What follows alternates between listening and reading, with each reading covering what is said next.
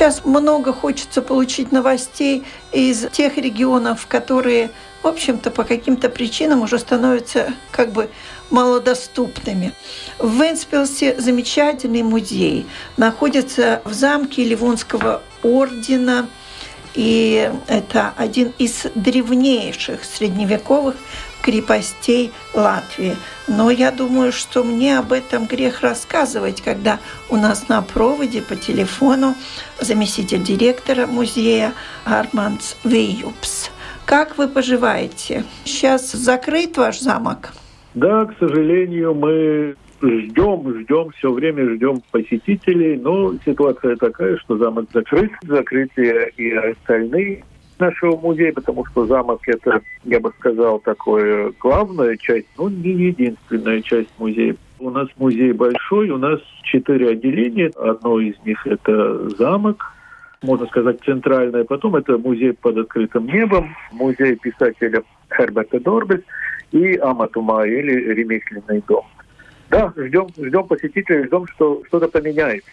Ну что ж, я признаю, что я достаточно старая для того, чтобы признаться в том, что видела этот замок еще до любой реновации. Он стоял с открытыми окнами, глазницами, смотрел на Венту. И сопровождала меня историк Ингрида Штрумфа, которая очень эмоционально рассказывала тогда как здесь жили представители Ливонского ордена и говорили, что они давали обед безбрачия. Но ей кажется, что вот там есть одна маленькая дверь, которую она мне показывала, что там все-таки эти господа принимали дам. Это было очень эмоционально. О том, как по Венте везли я уже не помню, меха или зерно, но во всяком случае она просто это все видела, скажем так. И это было очень... Прекрасно рассказывает. Она да, до сих пор рассказывает. Сейчас уже поменьше, она уже на отдыхе, в пенсии, да. Э, но все равно она очень активно принимает участие в исследовании истории Венспилса и пишет книги о истории Венспилса, так что все продолжается. В каком году началась реставрация этого замка? Это называлось реставрация, реновация, как? Наверное, правильно было бы сказать реновация, потому что если мы говорим реставрация, тогда это, что мы создаем какой-то точный облик относительно какому-то одному времени, убирая все пласты более поздние. 1996 год, когда началась реновация, которая привела к такому замку, который мы видим сейчас. Так что это 25 лет тому назад, четверть века. Будьте любезны, а тогда не говорили о том, что реновация историческая – это совершенно все-таки иначе, чем то, что вы получили. И всегда интересно, по какому образцу проходит эта реновация. Ведь если это замок XIII века, XIV, то потом, естественно, были какие-то перестройки, пожары, все прочее. То что бралось за основу? Какой век хотя бы? Особенность реновации этого замка, что архитектор, автор проекта реновации Петерис Блум предложил сохранить отпечатки очень разных времен, начиная с 13 XIV веков, вплоть до 20 века. Почему не было взято за основу какой-то один период или один век в истории замка? Понимаете, у нас очень мало что сохранилось, чтобы мы могли правдоподобно создать вид замка скажем, XIV века. Очень-очень многих перестройках, при очень многих хозяевах, которые хозяйничали в замке, то есть все время что-то менялось, все время что-то достраивалось. И Петерс Блум считал, что очень важно сохранить все отпечатки всех времен, все изменения, чтобы показать, как замок развивался за эти более за 700 лет. То есть так и осталось. Что-то из XIV века, что-то из XV, XVII, а внешний вид – а внешний вид – это тот э, замок, который мы видим в начале XIX века, 1820-30-х годах, когда было решено, что замок будет сохранен, Очень многие средневековые замки на территории Латвии, на территории Эстонии, Ливонские замки, они были разрушены, потому что они не были нужны, их новое значение не было найдено. А здесь решили, что здесь построят окружную тюрьму. И начали перестраивать средневековый замок, перестраивать под окружную тюрьму. Я всегда с такой улыбкой говорю, что был сделан евроремонт. Ну, это, конечно, наше современное обозначение. Но был сделан современный для тех э, времен ремонт, и поэтому даже фасад замка получил такой в стиле классицизма внешний вид, и такой вид и был сохранен сейчас при реновации замка ну, в 96 году. Ну и тюремная экспозиция тоже сохранилась. Отчасти, да, потому что то, что мы представляем, у нас какой-то стереотип, ну, что такое тюрьма, это представление, скажем так, вторая половина 20 века, наверное. Современная, может быть, тюрьма. Как вот, в Лепо и в Коросте. Да, а здесь представьте вот замок, тюрьму или тюремное здание, где часть помещения было камеры для заключенных, часть помещений были складские. В одном крыле, в западном крыле, жил э, начальник тюрьмы. Рядом были помещения, которые были в начале лютеранская церковь, а после того, когда было построено новое здание лютеранской церкви в 1835 году, Здесь э, обосновалась православная церковь, то есть была церковь, были помещения, жилые помещения для священника православного, то есть все здесь было как-то вместе. Это не было такое мрачное, может быть, здание с решетками, как мы себе, может быть, представляем тюрьму. Ну, я говорю, как в Лепойской коросте. Там же такая тюрьма, как-то она очень тяжело воспринимается. У вас она полегче, да? Да, немножко иначе все-таки. Здесь все было вместе. И э, на территории замка была даже приходская школа, где дети учились. Они через окна видели тюремщиков, заключенных, которые ходили, занимались хозяйственными делами. Их было не так-то уж много. Но сейчас, когда музей не принимает посетителей, то все уходит в дигитальную среду. У вас тоже есть какие-то дигитальные программы? Да, конечно, я думаю, что все музеи Латвии работают э, сейчас очень много в дигитальном направлении.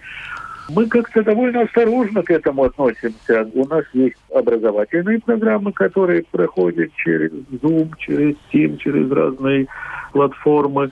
Мы очень интенсивно публикуем небольшие исследования, небольшие рассказы о музейных предметах, о отдельных аспектах истории здесь, Курзена и самого города Вайнспилс.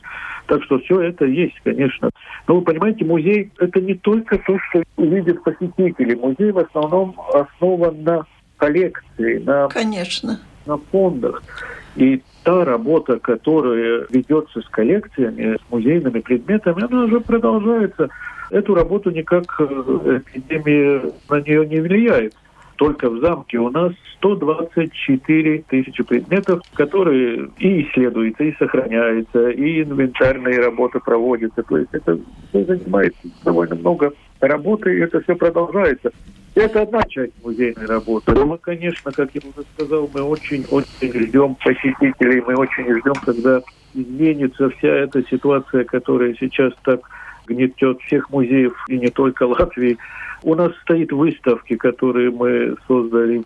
Которые э, готовы уже, да, встретиться. Да, да посетителям. Мы в 2019 году, в конце 2019 года создали очень интересную выставку, которая была посвящена, которая и сейчас посвящена одной улице, улице Вассерницы, загородней улице, где-то похоже на рижский Мешпарк. Ага. Это идеи городов, садов, которые появилась в конце XIX века и в каком-то отношении имел отпечатки почти на все большие города Европы. То есть создать среду обитания, где не только стены, где не только дома, но где и, и сады, и, и вот это, это как раз наша улица Вассермейцу.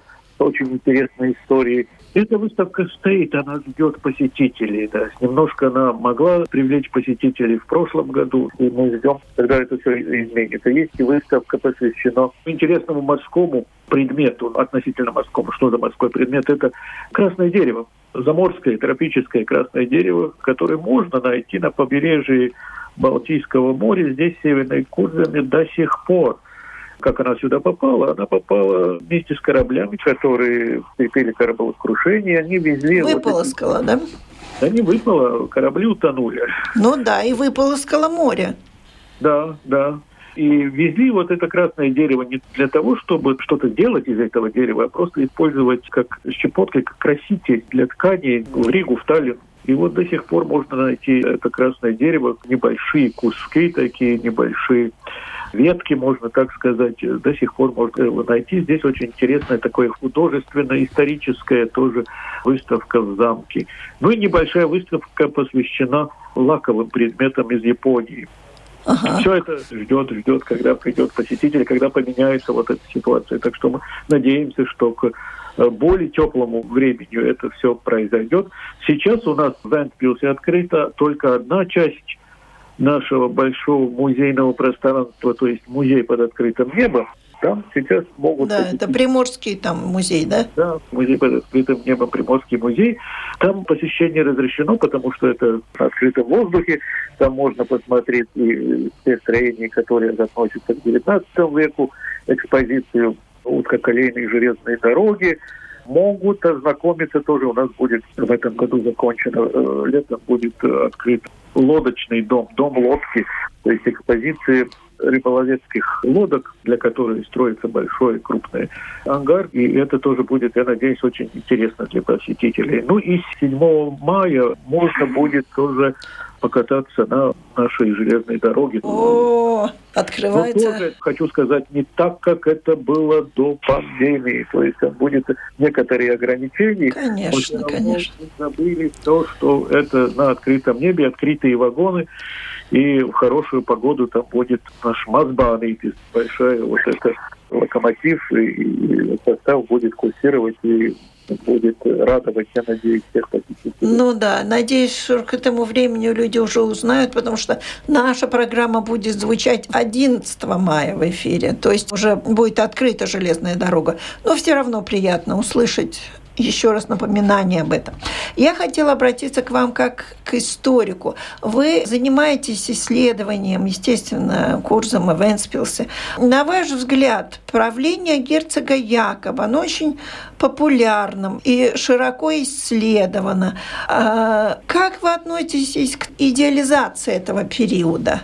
Ведь, в э, принципе, в Энспилсе так много герцога Якоба, как будто он, э, знаете, в прошлом году умер оставив о себе очень большие воспоминания. Даже не говорят о сыновьях, потому что, насколько я знаю, сыновья сыграли даже большую роль, чем сам герцог Якоб.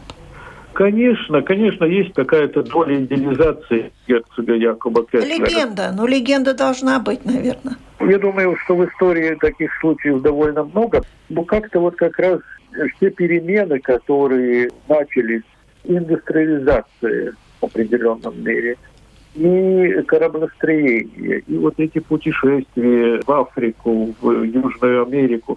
Но это как-то все связано с именем герцога Якова – и поэтому, да, он как-то немножко идеализируется, это правильно. Но его последователи тоже продолжали то, что можно было продолжить после э, шведских здесь завоеваний, потому что то, что для Видземе и Эстонии, то есть э, шведские времена, это как-то тоже делается мифом, то есть добрые шведские времена то здесь это не добрые шведские времена. Очень многие начинания Якова были разрушены э, шведским вторжением здесь. Если бы не шведские вторжения в середине 17 века здесь, может быть, здесь история пошла немножко, ну, скажем так, более положительном э, духе. Но все то, что он э, создавал, в этом относительно маленьком пространстве. Ведь герцогство – это небольшая территория. Очень многое было разрушено шведами.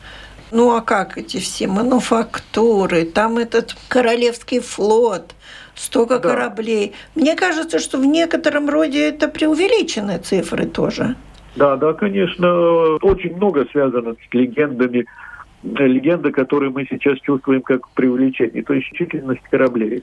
Да, это, конечно, ну, ну, нереально. Там где-то, по-моему, 700, что ли, говорили, я не помню. Кораблей, которые было, ну, 700, наверное, слишком большой цифра.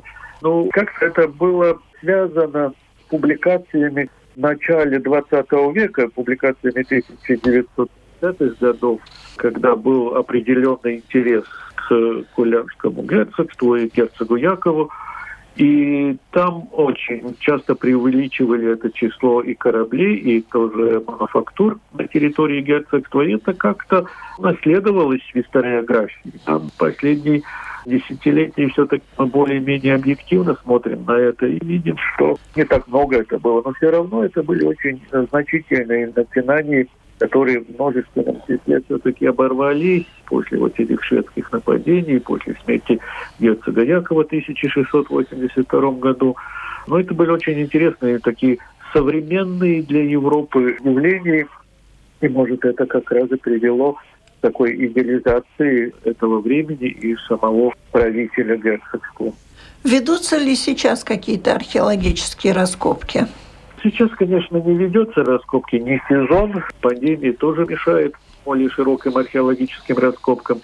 В городе э, то, что ведется, это то, что мы называем археологический надзор, то есть при строительных работах, при любых земельных работах, которые ведется, археолог присутствует и наблюдает если там появляются какие-то важные археологические свидетельства, тогда можно работу и приостановить, и, и продолжить исследование не только как надзор, а уже как раскопки. Ну, это, конечно, довольно сложный процесс, если так происходит, но все равно все то, что здесь копается, все документируется. Конечно, это очень интересная история, я во всяком случае так думаю. Это то, что за последние десятилетия мы узнали то, что мы как-то чувствовали через письменные источники, исторические источники. И мы нашли археологические подтверждения тому, что в середине второй половины 17 века Дэнспилл поменяла свое местонахождение. То есть раньше она была где-то около замка, вторая половина 17 века, в начало 18 века, центр города уже поместился более таком южно-восточном направлении. И связано это было с тем, что поменялась экологическая ситуация. То есть город был завален песком. То есть старый город, город э, средневековый, был постепенно завален песком из дюн, из направлений, с э, западного направления. Это Роза Ветров виновата, да? Э, это, я думаю, виноват больше человек, который вырубил те немногочисленные деревья, ту флору, вегетацию, которая находилась на дюнах. То есть нужно было, конечно, и для отопления помещений дрова, нужно было стройматериал, ну, нужно были деревья. И Наверное, одна из причин все-таки это деятельность человека, которая позволила здесь в 17 веке ну, на город буквально навалиться вот этому песку из дю. Другое дело, там, наверное, какие-то более крупные климатические изменения. Климат меняется не только сейчас, как мы, может быть, более слышим из разных источников. Климат менялся и, и раньше в истории, был и, и маленький ледниковый период, период потепления. И вот, наверное, это как-то связано тоже с климатическими изменениями, то есть более сухим, холодным климатом. И город в одно время, если так можно сказать, образно убежал в южно-восточном направлении, там, где сейчас находится рынок, да. И только в XVIII веке, уже когда эти все экологические проблемы кончились, город возвратился обратно. И оказывается, что культурный слой средневековой Венспилса находится местами даже под двухметровым слоем дюнового песка. Два метра, смотря с какого века, если с 14 то это и не так и, и глубоко, по-моему. Два метра это довольно глубоко. Представьте, в то время, в 17 веке, когда здесь, вот видите, это, этот песок дул на город, наверное, этот слой песка был более высок. Просто потом уже под давлением э, более поздних культурных слоев было обнаружить, э, но он как-то спрессовался. То есть, если мы сейчас ведем какие-то земельные работы в старом городе, то, во-первых, мы копаем первый метр. Первый метр – это 20, 19, 18 век приблизительно. метр. Тоже меняется культурный слой в зависимости от деятельности человека. Да, там иногда немножко больше, иногда немножко меньше. Потом идет, как в каких местах, там, два метра или полтора метра. Это человеческий рост и выше человеческого роста. Вот этот белый песок дюна, и вот под этим песком опять как в каких местах полметра до метра культурный слой, который относится к 14-16 векам. Так и Старая Рига также, по-моему, если ну, не, не глубже еще. В Риге нет вот этого... Песка этого, нет, да. Нету песка, да, нету то, что Слоя можно назвать экологической катастрофой. Это действительно такая экологическая катастрофа, да. когда старая часть города была завалена песком. Уникально. Проведя такие раскопки, можно уже констатировать вот такой случай, который да, свидетельствует да, о том, что природу нельзя трогать. У нашего микрофона был заместитель директора музея Венспилса Арман Цвиюпс. На этом наша передача заканчивается. Всего вам доброго.